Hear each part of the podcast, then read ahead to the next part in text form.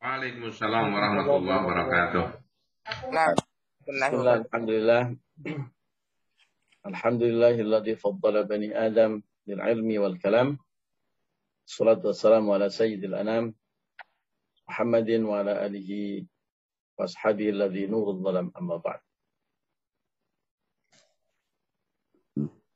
سبحانك لا علم لنا إلا ما علمتنا إنك أنت العليم الحكيم ربي اشرح لي صدري ويسر لي أمري واحلل عقدة من لساني يفقهوا قولي.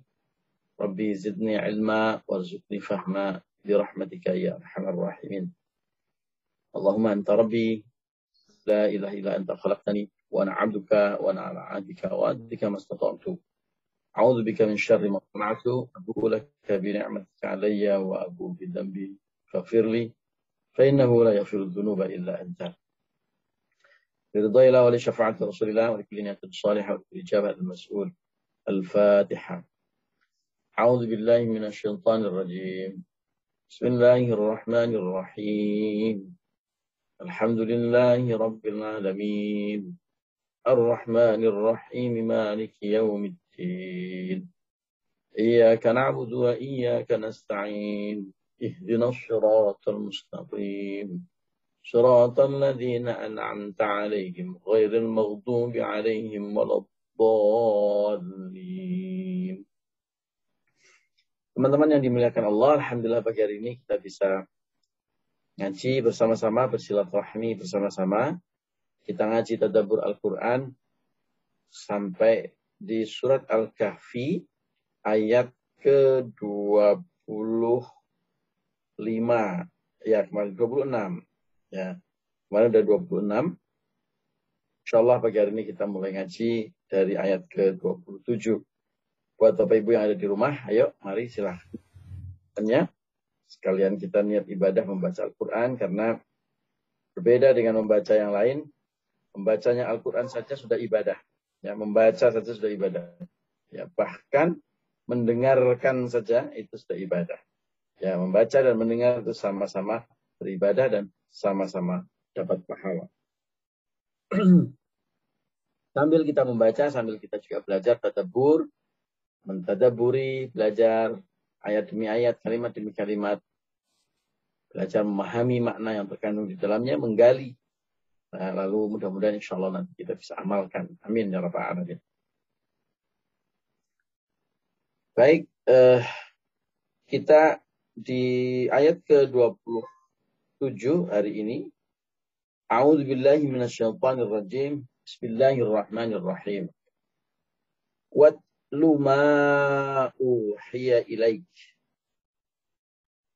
Uhiya ilaika min kitab rabbik. Watlu dan bacalah. Ya, tala, yatlu. Ini yang membentuk kalimat masternya tilawah ya kita kenal kalau kalau tilawah kita kenal ya. Bahkan yang terkenal sekali musabaqah tilawatil Quran ya. Tala yatslu tilawah itu membaca ya. Duh, Pak bukannya membaca itu ikhra ya. Qara'a yaqra'u yang terkenal menjadi ikra ya. Sama. Ya tala dengan qara'a ya tilawah dengan qira'ah. Watslu dengan waqra ya itu sama artinya membaca, hanya saja ikra, qara'a, kiro'ah itu lebih luas maknanya. Ya. Semua itu bisa, semua membaca, objek membaca itu semua bisa pakai kata qara'a. Maka kita juga sering mendengar kata kiro'atul Quran. Ya. Atau kiro'atul kutub. Ya, membaca kitab atau uh, pembacaan kitab atau pembacaan Al-Quran. Mari kita ikuti Qiraatul Quran. Ya, kita mengikuti pembacaan Al-Quran. Boleh. Quran. Kalau tala atau yatslu atau watslu kalau kata perintahnya ya itu lebih spesifik membaca objek-objek yang sakral, yang suci. Ya, jadi lebih spesifik. Tapi bukan berarti kiroah itu nggak boleh untuk digunakan untuk membaca Al-Quran atau objek suci lainnya. Boleh. Tapi lebih umum ya lebih umum. Dia bisa membaca apa saja. Baca Quran ya kiroah, baca koran ya kiroah, baca novel ya kiroah, baca surat ya kiroah. Ya. Tapi kalau tala yatslu itu spesifik untuk objek-objek yang sakral, yang suci. Dan itu biasanya nempel dengan Al-Quran. Ya, yeah. yeah, Budia, monggo. Yeah. Jadi untuk sesuatu penggunaan yang lebih spesifik. Yeah. Maka dari itu lihat kalimat di belakangnya, bacalah ma apa. Ya. Uhiya yang telah diwahyukan. Ilaika kepadamu wahai Muhammad min kitab rabbik yang termasuk bagian dari kitab Rabbika dari Tuhanmu. Jadi ini kalau adalah kalimat yang sangat terang benderang, gampang sekali dipahami, perintah atau fiil amar, ya. Apa yang diperintahkan membaca. Kanjeng Nabi saja diperintahkan membaca ma'uhiya ilaika.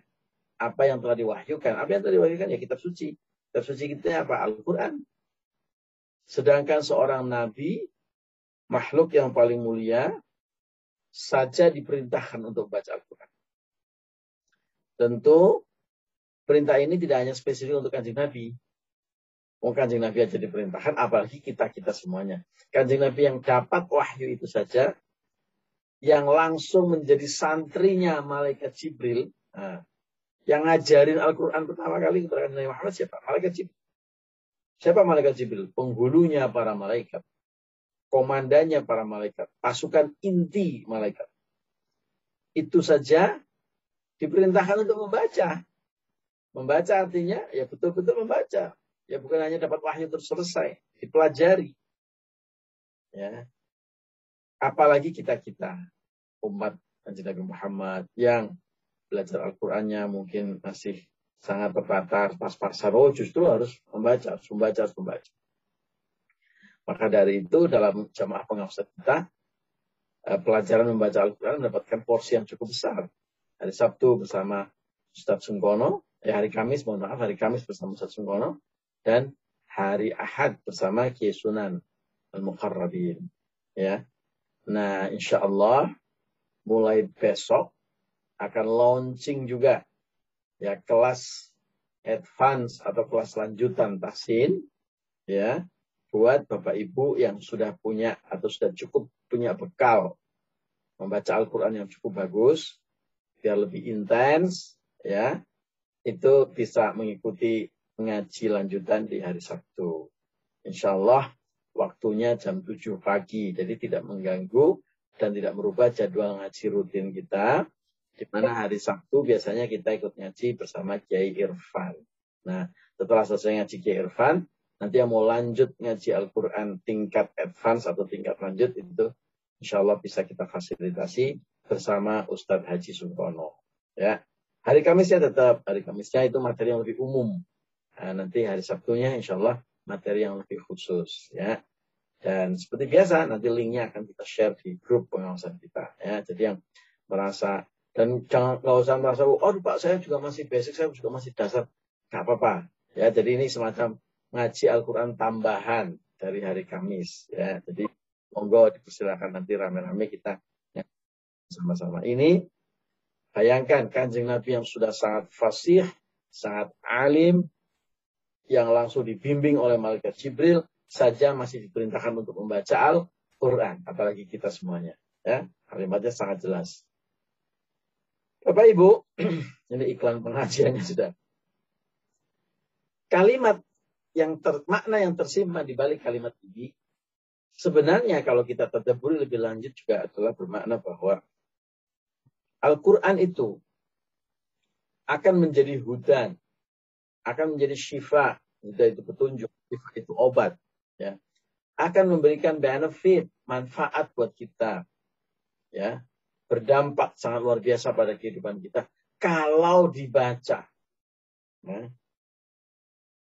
Kalau nggak dibaca, jadi perhiasan, kaligrafi dipasang di dinding, Al-Quran bagus-bagus. Kalau beli ini, oh Al-Quran yang berwarna-warni, oh Al-Quran yang ada hiasannya begini. Tapi cuma ditaruh di lemari, ya sampai jamuran, sampai dimakan rayap nggak tahu. Ya sayang sekali. Al-Quran mengeluarkan mukjizatnya, memberikan dampak untuk kehidupan kita, menjadi petunjuk, menjadi penolong. Ya, Al-Quran disebutkan. Ya, menjadi penolong ketika di alam kubur, menjadi teman kita ketika kita kesepian, ya, termasuk kesepian di alam kubur, Al-Quran akan datang menemani kita. Menjadi syafaat, penolong ketika ketika di yaumul hisab, yaumul mahsyar, yang sangat dahsyat itu. Al-Quran datang untuk menjemput kita, menemani kita. Bahkan kepada para penghafal Al-Quran, mereka sudah diberikan sorga terbaik, sudah begitu dipakaikan jubah yang sangat megah dan mewah untuk orang tuanya, dan menjemput orang tuanya serta orang-orang yang dicintainya untuk masuk ke surga bersamanya. Subhanallah. Itu kalau dibaca dan dihafal. Ya, termasuk juga yang menghafal juga harus murojaah. Saya sudah hafal Al-Quran, tapi nggak pernah dibacanya. Ya nggak mungkin keluar mukjizatnya. Keluar mukjizatnya kalau terus dibaca, dibaca, dibaca. Bahkan seorang kancing Nabi pun diperintahkan untuk membaca. Di sisi yang lain, Ayat ini juga sebenarnya bermakna kalau ada orang membaca Al-Quran, ini diperkuat di dalam ayat dan hadis yang lain, harus didengarkan. Ketika kanjeng Nabi diperintahkan watslu apakah ini berarti bahwa kanjeng Nabi baca untuk dirinya sendiri? Tidak. Ketika kanjeng Nabi baca, para sahabatnya harus mendengarkan. Ketika ada Ustadz Imam, Ustadz Khalil, Ustadz Sungguhan membaca Al-Quran, ya kita mendengarkan. ya Menyimak dengan baik Nah, maka adalah majelis semaan Al-Quran atau simaan Al-Quran. Tugasnya adalah mendengarkan sima'a. Sima itu menyimak kalau bahasa Indonesia. Itu berasal dari kata sami'a dalam bahasa Arab yang berarti mendengar. Nah, jadi simaan Al-Quran itu mendengarkan Al-Quran dibaca sambil kita ikut melihat teks Al-Quran atau mushaf Al-Quran untuk mengikuti bacaan dari sang hafid, hafidah. Ya, jadi Al-Quran ada untuk dibaca, kalau ada yang baca, ikut didengarkan, ikut mendengarkan, menyimak, ya, mengikuti bacaannya. Ya. Walan tajida min dunihi multahada. Walan tajida dan tidak akan kamu dapatkan sekali-kali tidak akan kamu dapatkan ya apa yang tidak engkau dapatkan min dunihi dari selainnya multahada tempat berlindung apa hubungannya dengan kalimat yang pertama tadi? Hubungannya begini Bapak Ibu. Kanjeng Nabi diingatkan oleh Allah. Kalau engkau atau umat Islam atau orang tidak mau membaca Al-Quran, maka jangan harap akan dapat perlindungan dari Allah. Loh, ancamannya ngeri loh bro. Ya. Walan tajida min dunihi Engkau tidak akan mendapatkan perlindungan selain Allah. Sedangkan perlindungan dari Allah itu dijemput salah satunya dengan cara membaca Al-Quran. Oh, kan jelas sekali. Ya, tidak ada dusta di antara kita. Ya, jelaskan. Nah, jadi kalau kita tidak mau membaca Al-Quran, ingat yang bisa memberi perlindungan hanya Allah loh. Kurang lebih begitu. Ya. Ingat, yang bisa memberikan hanya Allah. Lah kok kamu nggak mau membaca kitab sucinya, firman-firmannya? Bagaimana kamu bisa berharap dapat perlindungan dari Allah? Padahal kalau sudah bernama perlindungan, itu artinya proteksi. Proteksi itu artinya kita yang lemah, yang doif, yang penuh dengan kekurangan dan kekhilafan, yang sehingga dengan segala macam kelemahan, kekurangan, kekhilafan itu hidup kita menjadi sangat beresiko. Ya, resikonya banyak banget kan. Mulai dari resiko sakit bahkan sampai berujung kepada kematian, resiko kehilangan orang pecinta, resiko bisnisnya mundur, resiko uh, apa? Dizolimi orang lain, difitnah orang lain, disakiti orang lain, resiko dikucilkan dari komunitasnya, resiko Alhamdulillah anak-anaknya menjadi anak-anak yang tidak soleh, ya, oh, resiko godaan dunia, ya, yang sangat menggiurkan, yang sangat tempting, ya, Berbisnis pun ada risiko digoda oleh syaitan untuk melakukan cara-cara yang tidak baik dan tidak dibenarkan oleh agama. Ya, itu kan risiko ya. Godaan syaitannya kan luar biasa ya Bapak Ibu. Syaitan terus menggoda. Ya. Kita ini mau sholat mau sholat digoda untuk malas. Ya. E, rasanya malas, rasanya berat. Digoda juga dengan lupa. Digoda juga dengan aktivitas-aktivitas dunia. Ya.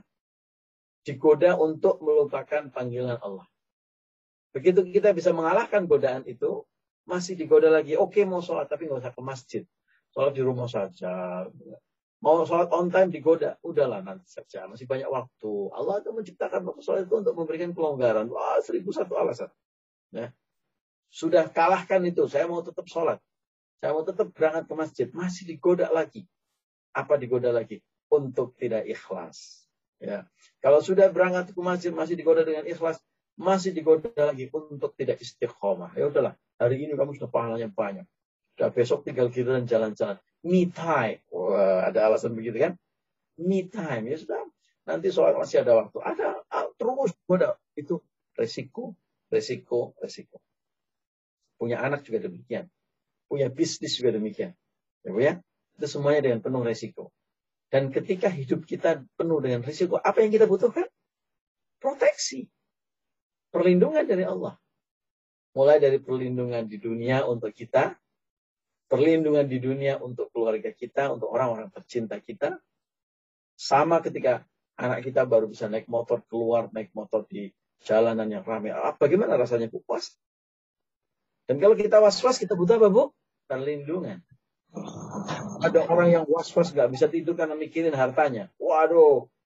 Ya. Saya dulu punya teman. Ini temannya nggak disebut namanya.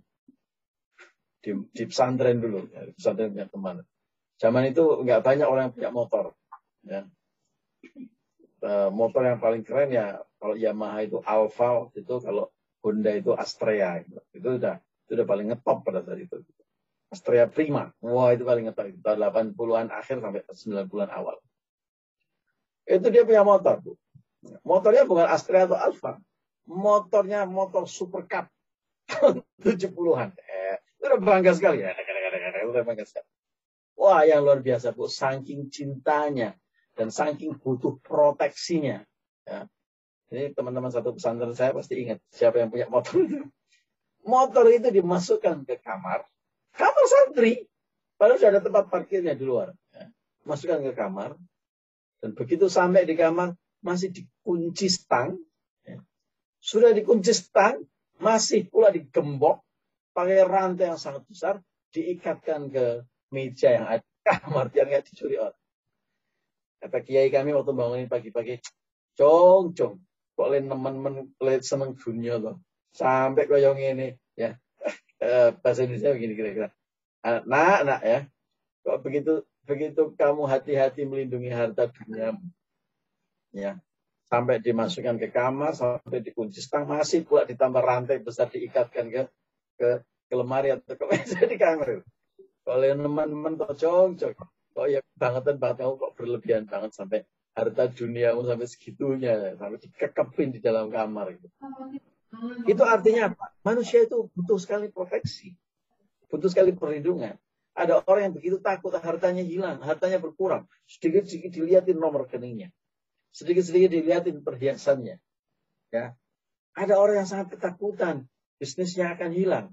Ya. Begitu saking proteknya dia terhadap bisnisnya sampai kadang-kadang diikuti dengan godaan syaitan untuk melakukan hal-hal yang tidak dibenarkan.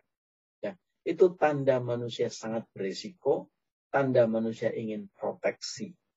Tanda manusia ingin perlindungan untuk dirinya, untuk hartanya, untuk semua yang dimiliki, untuk keluarganya, untuk semuanya. Dan ketahuilah, Allah zat yang maha pelindung dan satu-satunya maha pelindung. Dan Allah sesungguhnya memberikan perlindungan itu salah satunya dengan cara dijemput dengan cara membaca Al-Quran. Masih ada yang tidak mau membaca Al-Quran? Aduh, sayang sekali. Ya, Masih ada yang belum lancar membaca Al-Quran? Ayo kita perbaiki. Ayo kita lancarkan dengan belajar bersama membaca Al-Quran di mana pun. Kalau mau ngaji di pengawasan, insya Allah ada jadwal hari Kamis, hari Sabtu, dan hari Ahad. Kalau mau belajar sendiri, monggo dipersilahkan belajar di mana pun sama saja. Kalau sulit mengakses adanya ustadz, ustadzah, insya Allah Santan Ar-Rahman punya ustadz ustadzah yang keren-keren. Nah ini ini sambil juga tahadus binikmah ini salah satu santri Ar-Rahman Putri, uh, Ar-Rahman Putra, uh, Ar-Rahman Bilbanin, ya, Mbak Rabi'ah, baru saja menyelesaikan hafalannya 30 juz kepada Ustazah Murni, ya, yang ingin menghafal Al-Quran, yang ingin membaca Al-Quran, tahsin Al-Quran, monggo dipersilahkan. Bisa menghubungi uh, kita, Mbak Sri, atau Ustadz Ustadzah secara langsung. Private boleh. Ini contoh yang sangat bagus uh, Pak Supomo dan keluarga. Subhanallah indah sekali. Ngaji Quran bersama seluruh keluarga. Ya Pak Pomo, putra putrinya ya. ya seru sekali. Ini ini insya Allah menjadi keluarga Allah ya, menjadi keluarga Al-Quran, keluarga yang dicintai Allah. Allahumma amin ya Ya. Nggak usah ditunda-tunda. Mata dari nafsun dan tasibuh dan kita nggak tahu apa yang akan terjadi. Oh, aku udah tua pak. Sudah bau tanah ngomong aja udah nggak jelas. Sekarang mau mulai sekarang ya now or never. Mau mulai sekarang atau tidak sama sekali. Ya. Bisa belajar privat kok. Ya. Bisa belajar private. Saya mau belajar sendiri, Pak malu kalau kedengaran anak cucu saya. Boleh. Atur jadwal sama Ustaz dan Ustazah. Ya, insya Allah Ustaz dan Ustazah sudah siap untuk membimbing, menemani Bapak Ibu semua belajar Al-Quran. Dan dan komentarnya Pak Pomo dan beberapa teman-teman yang ngaji uh, private, seru Pak ngajinya, keren, Alhamdulillah. Ustadznya bagus-bagus, Alhamdulillah. Ya, silahkan nanti bisa kontak dengan Pak Cita, Mbak Sri atau Japri dengan saya ya. Uh, silahkan dengan Ustadz Ustadz ini Ustadz Ustadz juga biasanya ikut ngaji bersama kita ya. Baik terima kasih. Kita lanjutkan. Jadi membaca Al-Quran ya uh, itu perintah termasuk perintah untuk kancing Nabi. Insya Allah akan mendatangkan perlindungan Allah dan kalau kita dudukkan ayat ini dalam konteks surat Al-Kahfi yang kita pelajari ketika ayat sebelumnya menceritakan tentang bagaimana ada peristiwa yang amazing, sangat luar biasa ketika Ashabul Kahfi dibangunkan dari tidur setelah tidur 309 tahun, begitu lama, ya. Orang banyak takjub, orang banyak terkagum-kagum, kemudian dikisahkan di ayat berikutnya bahwa Allah itu kalau berkehendak bisa saja semuanya dilakukan dan Allah Maha tahu. Ya. Allah Maha mengetahui, Allah Maha mendengar, Allah Maha melihat. Allah menunjukkan kekuasaannya sangat luar biasa.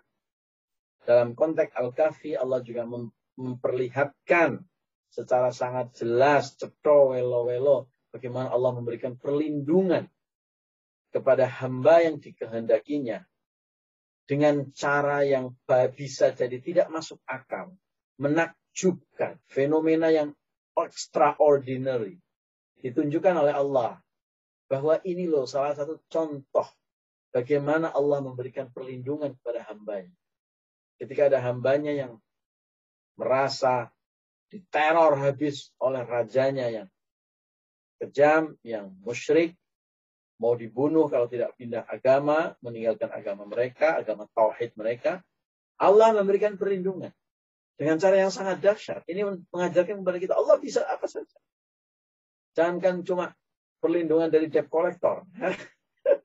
perlindungan dari orang yang mendolimi bisnis kita, yang rakus, yang serakah. Perlindungan dari orang yang membuli kita. Ya. Bahkan ini dikisahkan perlindungan dari raja yang sangat dominan, yang sangat hegemonik, yang sangat berkuasa, perlindungan dari customer saya yang selalu mendikte saya dan berkuasa dengan saya. Ya. Ini curhatnya keluar semuanya. Ya. Perlindungan dengan berbagai macam, ya. berbagai macam ancaman-ancaman itu. Allah tunjukkan bahkan yang lebih ngeri dari itu dalam kisah Ashabul Kahfi Allah bisa lindungi mudah saja bagi. Ya, itu kan itu kan itu kan relevansinya sangat luar biasa dalam konteks kisah Al Kahfi. Allah bisa memberikan perlindungan dengan cara yang bisa jadi dalam pikiran manusia itu tidak ketemu akal. Kok iso diselamatkan di gua 309 tahun? Itu buat Allah mudah saja. Ida arada sayan ayyakula lahu kun fayakun. Allah gampang saja membuat itu. Nah, kalau sudah ditunjukkan begitu, bagaimana Allah begitu mudah memberikan perlindungan dan kekuasaannya kepada orang yang dikehendakinya, maka sudah selayaknya kita mem mem memahami ya sekaligus juga uh, uh, mengikuti ya apa yang diperintahkan oleh Allah bahwa salah satu cara untuk menjemput perlindungan Allah itu adalah dengan cara membaca Al-Quran. Tentu bukan hanya sekedar membaca, ya.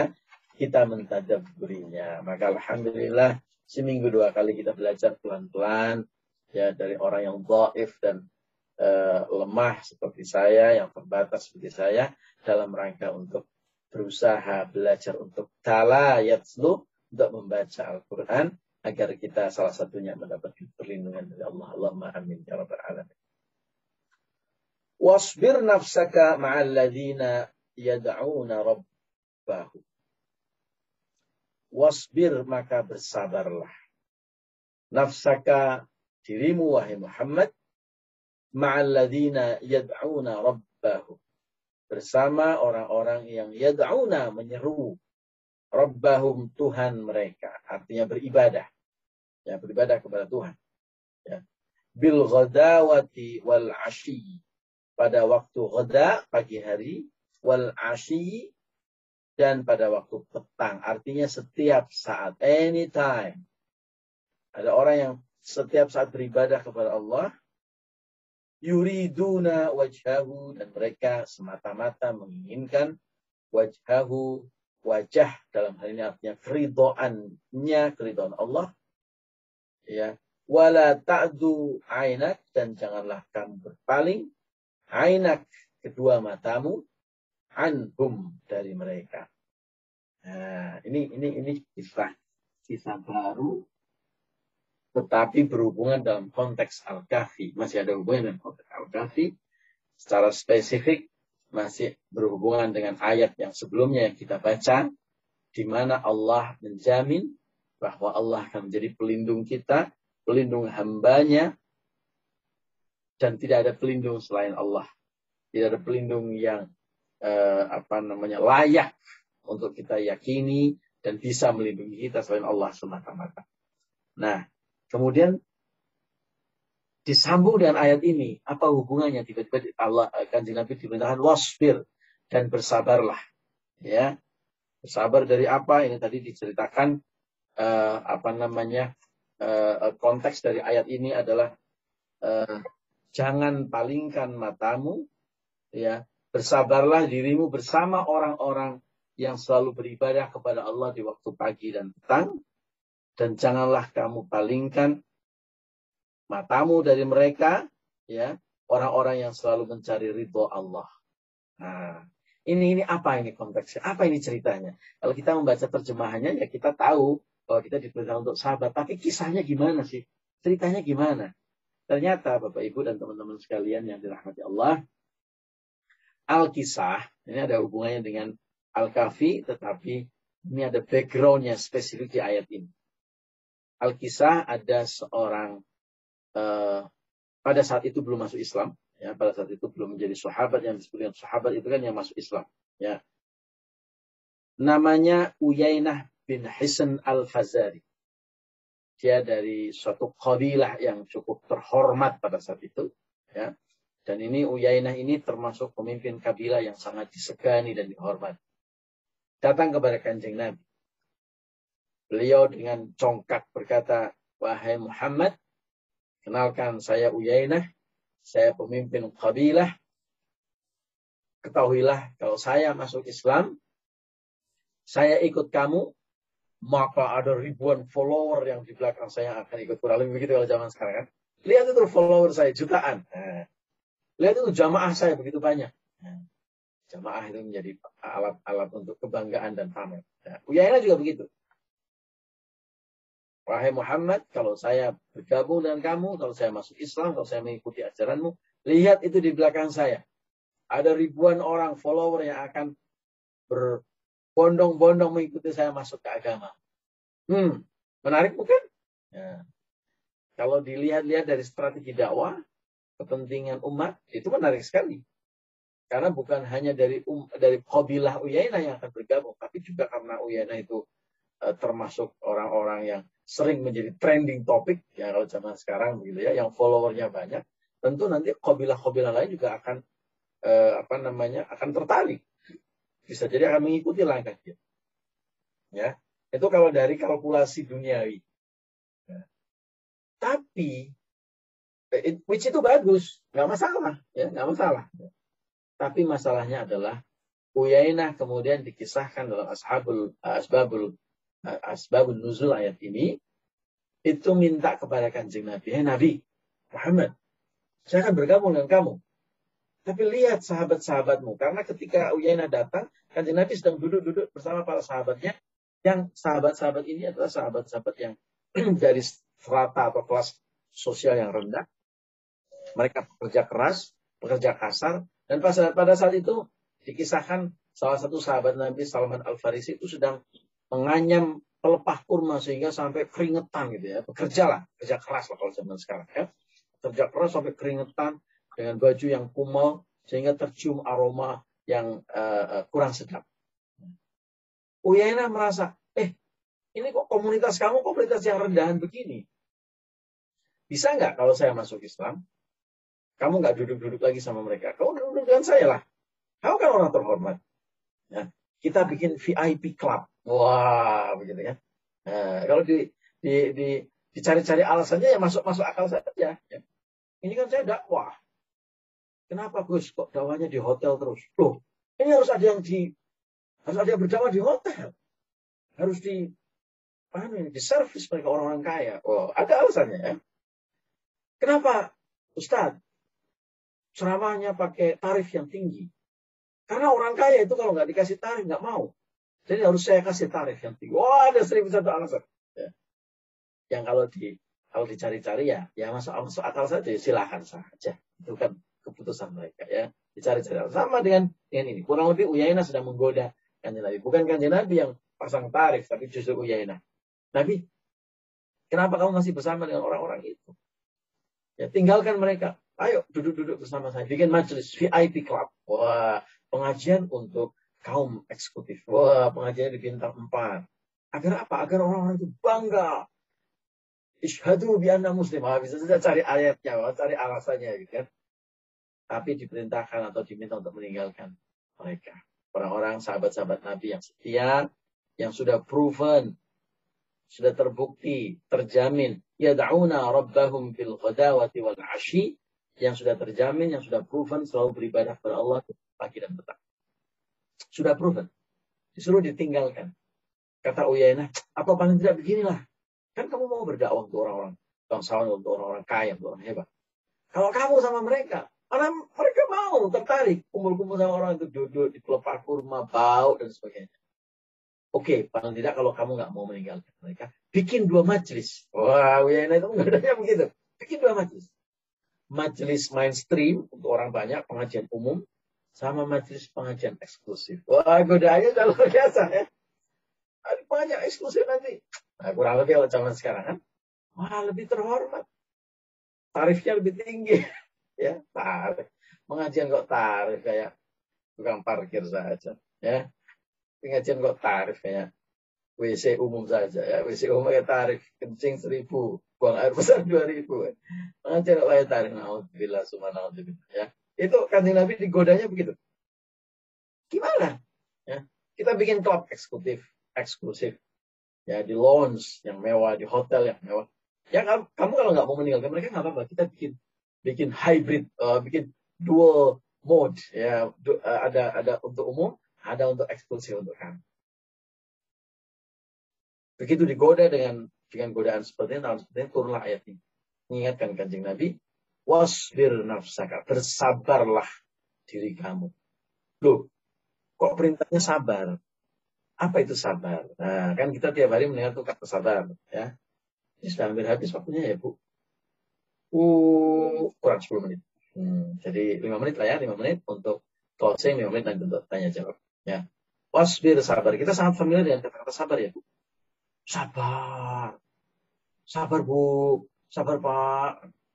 Oh, ada orang lagi lagi cerit-cerit, lagi nangis karena eh, kehilangan orang yang dicintai itu. Sabar, sabar.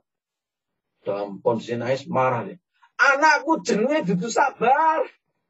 Anak saya namanya bukan sabar. Dikira dikira suruh manggil-manggil anaknya namanya sabar.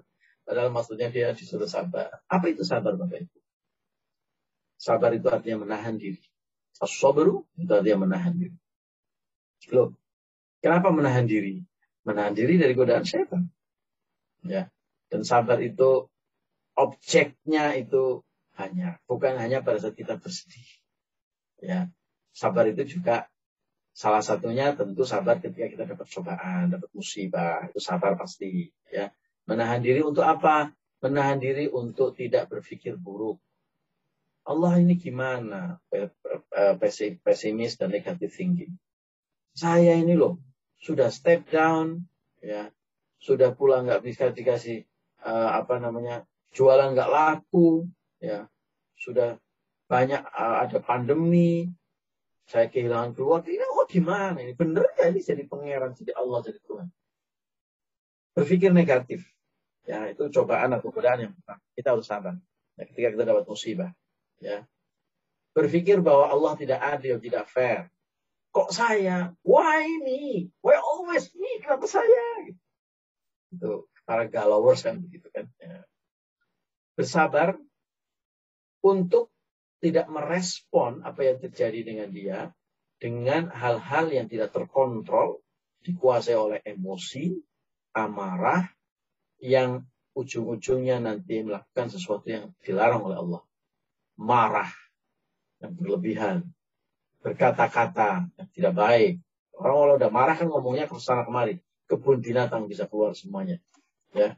Hanya persoalan kerja, hanya persoalan PO, hanya persoalan job, hanya persoalan uh, target yang tidak tercapai kok ya pakai harus dimaki-maki, masya Allah, naudzubillah. Ya, itu itu itu itu artinya mulutnya tidak bisa mengontrol, kesabarannya tidak bisa menahan, tidak bisa menahan diri untuk tidak berbicara yang baik. Nah, itu salah satunya. Termasuk juga tangan, mukul orang, kaki, menendang orang, menzoli kekuasaan, me, me, me, menzolimi orang. Itu adalah tepuk, uh, apa namanya, ekspresi ketidaksabaran.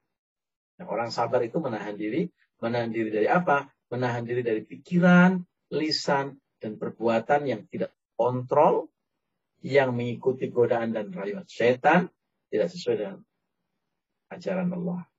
Saya berpikir pesimis negatif itu kan tidak sesuai dengan ajaran Allah. Allah mengajarkan kita berpikir positive thinking. Ya, husnudzan. Ya, husnudzan. Umat Islam itu perbedaannya dengan yang lain adalah kalau umat Islam itu semua orang baik, semua kejadian itu baik, sampai terbukti ada orang yang berbuat jahat. Dan itu sebenarnya sangat relevan dengan uh, apa norma atau aturan hukum kita yang berbicara tentang presumption of innocent. Bahwa semua orang itu innocent, semua orang itu baik. Sampai terbukti dia nyolong. Sampai terbukti dia mengkhianati kita. Tentu ada kewaspadaan. buka kathiru minadhan. Jauhilah terlalu banyak prasangka. tetapi waspada boleh. Kalau ada orang datang ke rumah kita malam-malam, ya jalannya pelan-pelan, ngide-ngide, gitu ya jendelanya dicongkel. Ah, itu berarti bukan bukan kemudian kita oh itu orang mau berdakwah, mau ngaji, mau berkahi rumah kita ya tidak, itu maling pasti ya. Nah, jadi tapi dan itu sudah proven berarti ya dia mau berbuat jahat. Nah, jadi semua orang baik, khusnudzon itu adalah semua orang berpikir pikiran kita harus berpikir bahwa oh orang itu niatnya baik, orang itu baik sampai terbukti dia salah. Ya, itu itu kehebatannya eh, apa namanya kehebatannya umat Islam. Termasuk ketika kita niat jelek, Ya. Niat jelek itu tidak berdosa selama tidak diikuti dengan amalan yang jelek. Nah, itu kan khusnudon banget kan. Orang sudah punya niat jelek saja udah, oh, enggak apa-apa, kamu baru niat. Sekarang stop niatmu, jangan kamu lakukan, maka kamu tidak berdosa. Sebaliknya kalau niat baik, sudah mendapatkan pahala, nanti kalau dilakukan niat itu, ditambah lagi pahala. Nah itu, itu saya niat mau membantu orang. Lalu kita datangin orang itu, kita ajak berbisnis yang baik dan halal serta tayyib, dia sukses, itu artinya niatnya dapat, actionnya pahalanya juga dapat. Nah, itu itu kalau niat itu karena berawal dari teori atau ajaran umat Islam bahwa kita harus selalu berpikir positif, husnudzon, nggak boleh suudzon. Nah, jadi sampai di mana ya kenapa tiba-tiba cerita tentang suudzon? Balik ke ayat ini, ya bahwa kanjeng Nabi tidak boleh ya sama Uyainah uh, berkumpul kami, tapi dilarang oleh Allah dengan, dengan perintah untuk sabar. Sabar salah satunya adalah sabar dalam menghadapi musibah, ya, sabar dalam menghadapi godaan setan, sabar di dalam ketaatan. Ya, taat sabar itu apa, eh, apa mengikuti ajaran kanjeng Nabi dan Gusti Allah itu betul-betul memegang ajaran agama Islam itu itu butuh kesabaran. Ya, sholat digoda capek malas. Harus sabar. Bisa menahan diri kita. Oh pokoknya kita kalahkan. Bangun pagi aduh tadi malam capek. Tidurnya jam 12 malam. Habis TBO keluar kota. Habis presentasi di mana lelah bangun pagi itu rasanya berat. Bersabar di dalam ketaatan. Ayo bangun. Ayo wudhu ayo berangkat ke masjid. Meskipun dalam keadaan yang lemah capek dan ngantuk. Itu sabar dalam ketaatan sabar dalam ketaatan termasuk di antaranya adalah berbisnis dengan cara yang baik dan benar. Nah, itu taat kan? Bukankah itu perintah? Kita bermuamalah dengan baik. Termasuk juga dengan berdagang yang baik. Ya, Riba itu haram, berdagang itu boleh. Bolehnya kalau dilakukan dengan cara yang baik, dengan cara yang halal dan thayyib. Bagaimana kalau orang berbisnis dengan cara yang baik, halal dan thayyib? Oh, pasti digoda oleh setan. Setannya berupa bisa manusia, minal jinnati wa nas. Bukankah setan itu bisa berbentuk manusia dan jin? Maka kemudian ada datang manusia yang menawarkan black market. Wah, godaan bukan bu itu bu. Godaan. Ya, ada orang yang menawarkan kerjasama yang tidak diridhoi oleh aturan agama kita karena mendolimi orang lain. Ada pikiran, ada setan lewat menggoda untuk korupsi, ada setan lewat menggoda kita untuk mengambil hak orang lain dan seterusnya dan sebagainya. Itu godaan bukan godaan. Maka kita diminta sabar. Wasbir nafsaka. Bersabarlah diri kamu. Salah satu sabar yang harus kita miliki adalah sabar dalam ketaatan. Ketika kita mengikuti aturan Allah, banyak cobaan, banyak godaan. Kita harus bisa sabar menahan diri. Demikian ngaji kita pagi hari ini Bapak Ibu. Terima kasih untuk kebersamaannya. Saya pamit dengan teman-teman yang ada di Facebook. Kita lanjutkan dengan diskusi kecil dengan teman-teman di jalur Zoom. Allahul muwaffiq ila hamid thariq wa afu minkum. Wassalamualaikum warahmatullahi wabarakatuh. Terima kasih